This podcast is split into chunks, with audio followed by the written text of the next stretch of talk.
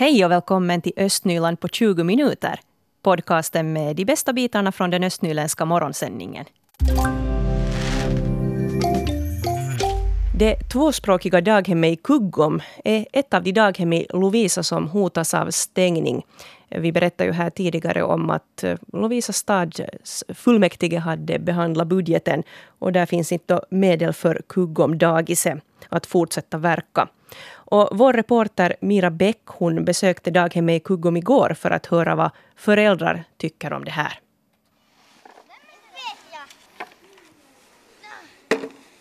Klockan är ungefär halv fyra och det har redan blivit mörkt men det stör inte barnen som leker här ute på, på gården vid Kuggom daghem. Och just Kuggom dagis är ett av flera skolor och daghem som antagligen kommer att stängas som en åtgärd för att råda bot på Lovisas dåliga ekonomi.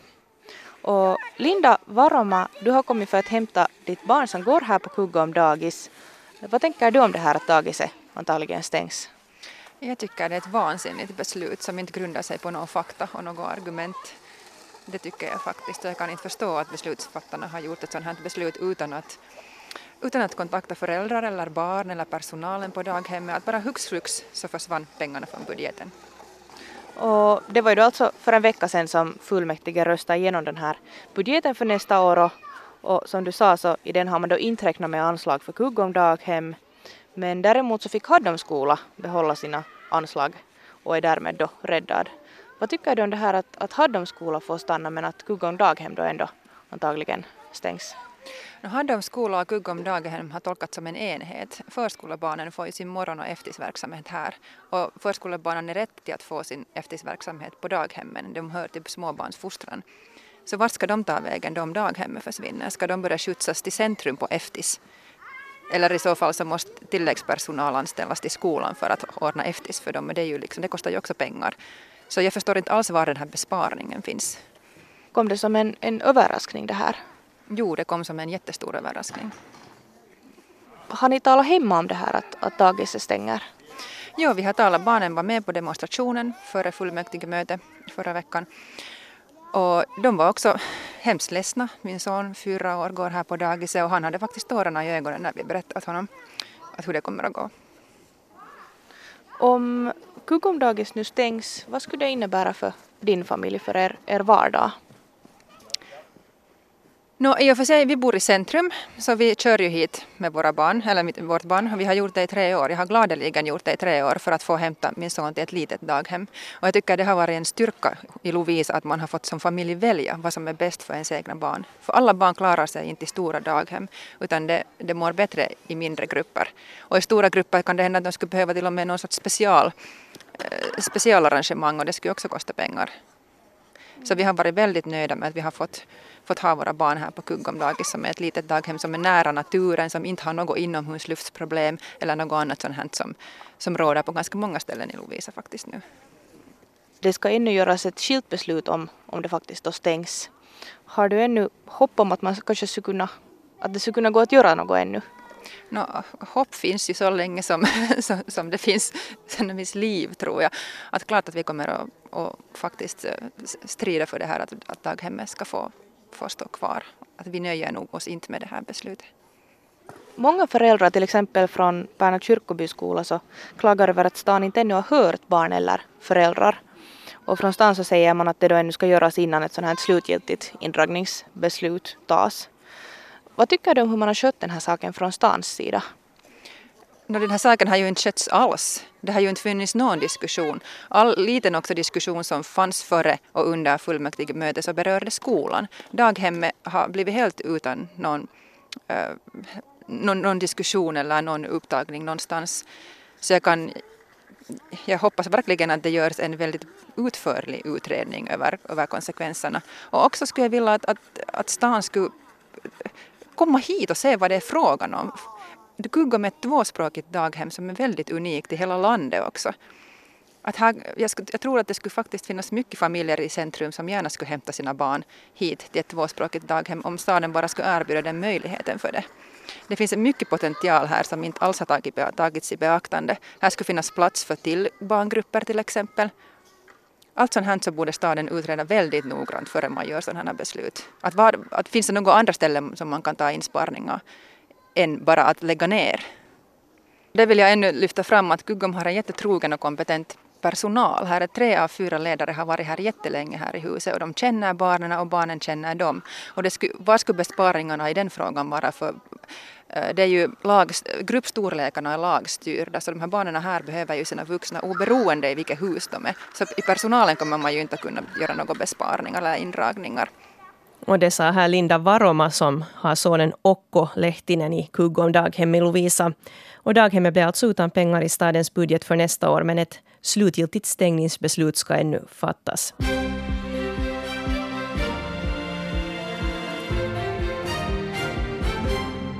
Klockan är halv åtta och det här är de regionala nyheterna med Stefan Härus. God morgon. Den före detta narkotikapolischefen Juha Arnios hem i Ebbo i Borgo har sålts på auktion. När nätauktionen avslutades igår klockan 16 klubbades fastigheten för 300 000 euro. Sammanlagt 32 bud lades på den 133 kvadratmeter stora fastigheten. Utgångsbudet var 103 000 euro. Nu ska vattenledningarna vid Svenska församlingshemmet i Borgo äntligen åtgärdas. Församlingsrådet föreslår nämligen för gemensamma kyrkorådet att domkyrkoförsamlingens budgetöverskott för i år används för att finansiera grundreparationen av rören i Svenska församlingshemmet. Församlingsrådet tror att domkyrkoförsamlingen underskrider sina budgeterade kostnader med minst 100 000 euro. Om allt går vägen kan projektet med vattenledningarna vara åtgärdade senast i med av augusti nästa år. Församlingshemmet har varit utan varmvatten sedan sommaren. Tre nya basstationer för mobilnätet ska byggas i Borgo. Basstationerna ska placeras på Tingsgårdsvägen på Prästgårdsbacken, på Hammarsvägen i Lövhammars och på Drottninggatan på Kvarnbacken. Det är de allt större dataöverföringsmängderna som förutsätter byggande av nya basstationer. Stadsutvecklingsnämnden i Borgå röstade om frågan vid sitt möte igår. Och ett par utnämningar. Sarsalebon Staffan Björkell har valts till ny chefredaktör för tidningen Landsbygdens folk. Björkell efterträder den nuvarande chefredaktören Micke Gottfredsen som går i pension i vår.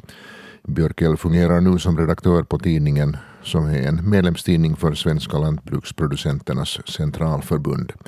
Björkell driver också ett familjejordbruk på Sarfsalö i Lovisa.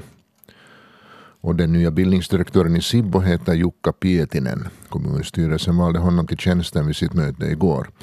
Pietinen är magister i musikvetenskap och för tillfället bildningsdirektör i Sjundeå. Totalt söktes tjänsten av 13 personer. I det här regnvädret så kanske man inte har så hemskt mycket julstämning. Men nu är det mindre än en vecka kvar till julafton och det betyder ju att man småningom får lov att börja fundera på det här med att ska man ha julklappar och ska man ha julskinka och ska man kanske ha julgran? Och faktum är att Lions Club i Lovisa redan i flera års tid har sålt julgranar på torget i Lovisa. Och intäkterna går till välgörande ändamål. Och vår reporter Stefan Paavola han har nu tagit sig till Lovisa torg. Paavo, hurdant väder har du där nu? Vädret här är sådär att det regnar kanske riktigt lite. Och, och det där. Men jag skulle nog säga emot det att här är nog ändå julstämning. Det är ju sån här modern julstämning. Nu för tiden börjar nog väderna vara mera och mera sånt här i december. Så det är bara till vänster ta ljus. Jag ska ta julstämning lite. Doftar, oj vad do, granarna doftar gott här. Det är odlade granar som vi har här framför oss. Som Lions säljer alltså till välgörenhet som du sa. Uh, Sekreterare för Lovisa Lions, Alf Lindholm, hur har handeln gått? Tack. Eh, det, har, det går ju så här lite i gången så att säga nu så här, den här tiden före julen. Att den stora ruschen väntar ju först mot veckoskiftet. Men att vi är ju här nu varje dag mellan 10 och 16 som vi står här och säljer granar. Och när man säljer julgranar så ska man vara i tid framme sina granar före ruschen så att folk vet att man får dem, är det så? Jo, så har vi gjort viss förhandsreklam och så vet våra trogna kunder som till och med i tre släktled kommer till oss och köper granar så de, de vet att vi finns här och, och, och kommer då till oss år efter år. Rolf Törnqvist, du är Lions riddare, varit i Lions ända sedan 1987. Vad får det att komma hit och sälja?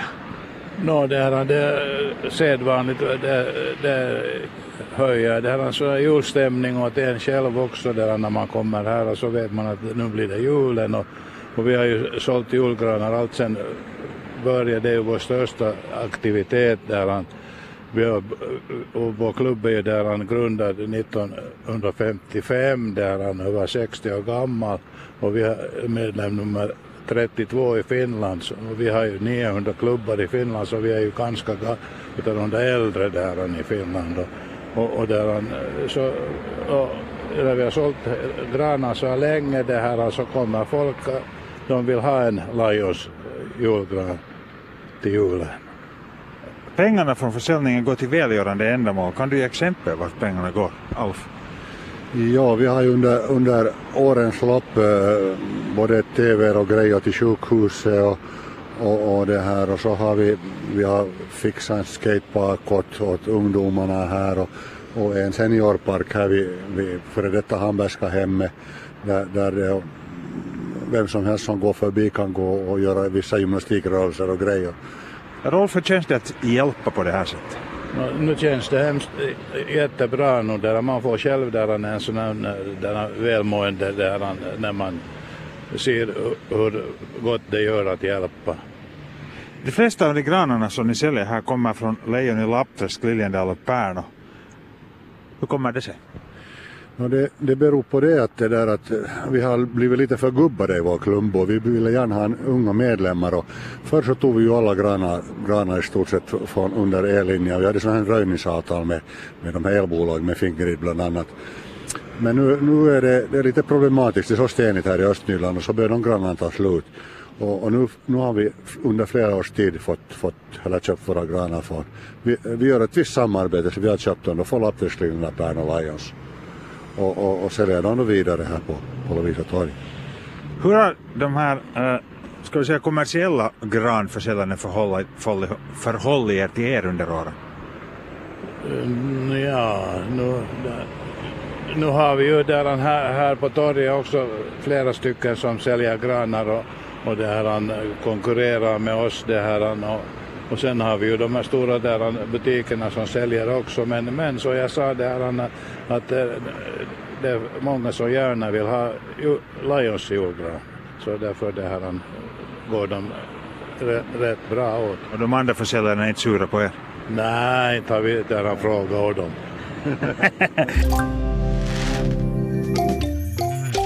Rolf Granqvist, du har sålt granar i många år. Hur blir man en bra granförsäljare? Nå, det, det är nog, kanske det är mer fött. jo, att det här, och så ska man ju lite kunna prata också det här och sälja. Så nu går det bra.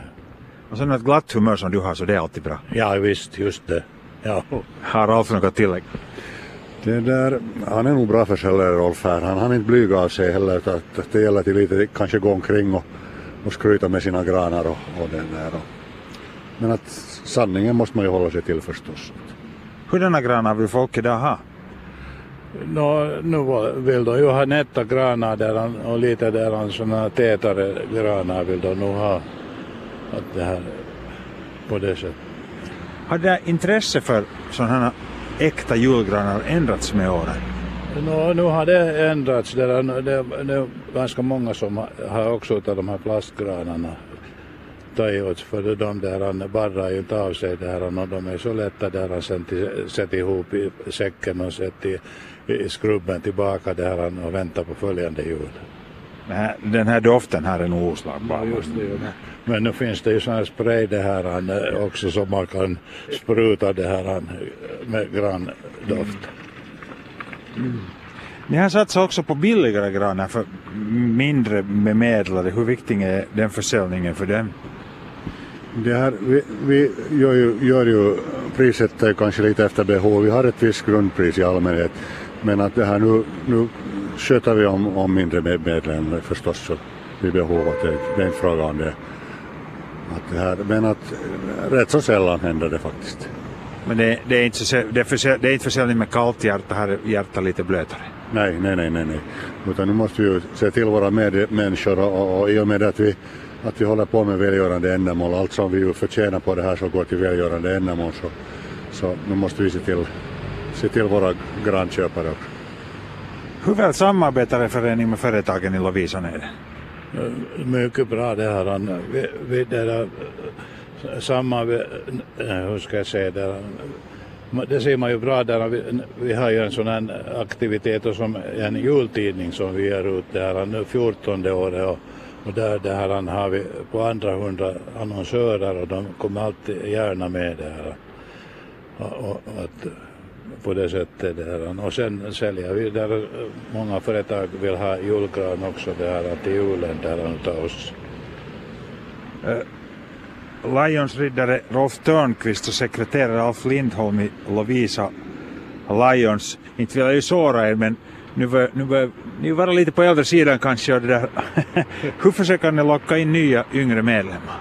No, vi går genom bekantskapskretsen och så försöker vi vara synliga, synliga liksom, vi är ju synliga med sån här granförsäljning och vi är med på olika jippor, vi ordnar konserter och, och sånt och den vägen försöker vi få kännedom både för våra, de som understöder oss och, och eventuellt för att skaffa nya medlemmar. Att, men att, att det är ju alltid med, då när man är med i en förening, man ska kolla sin egen, egen närmaste bekantskapskrets att, att där har vi en lämplig människa som kan komma och, och den, vägen, den vägen gäller det nog att satsa på. Kräver det mycket tid att vara med? Förlåt? Kräver det mycket tid att vara med i den här föreningen? Nå, inte så mycket det här. Men, men man har ju tid nu när man är pensionär så det här, det är ju någon, fast man är alla dagar med så det här, nu är det, nu är det ju trevligt. Nu måste jag säga, nu är ni ett slags, inte ett slags, utan ni är vardagshjältar som står här i regnet och säljer granat. Tack Rolf och tack, tack Alf för denna stund. Tack så ni ha. Tack, tack. Igår så pratade vi om att det är svårt att få tag på läkare också här i Borgo. Vi hade som exempel Bernhard Edgren som har haft svårt att rekrytera en läkare till sin privata läkarstation. Och Helena von Oftan hade också kollat upp läget med Borgo sjukhus där man sa att man har svårt att få läkare som vill specialisera sig. Och nu har Helena också kollat läget i Lovisa. Där är situationen den att ledande läkare Tero Taipale har sagt upp sig. Han har jobbat i 16 år som ledande läkare vid Lovisa stad och han ska sluta på jobbet i januari men han har lovat fortsätta som vikarie till slutet av mars. Och Helena har talat med Carita Skröder som är grundtrygghetsdirektör i Lovisa och hon säger att Tero Taipale vill återgå till kliniskt arbete. Men själv vill han inte kommentera sina framtidsplaner för Yle Östnyland. Carita Skröder hon säger att stan har börjat leta efter en ersättare som ska få ta över efter Taipale.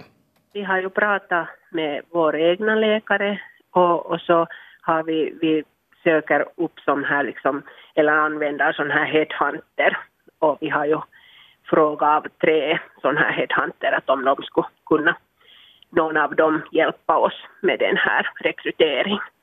Mm. Men hur är det annars läge i Lovisa när det är läkare? Att finns där tomma läkartjänster nu som, som väntar på att man ska hitta någon?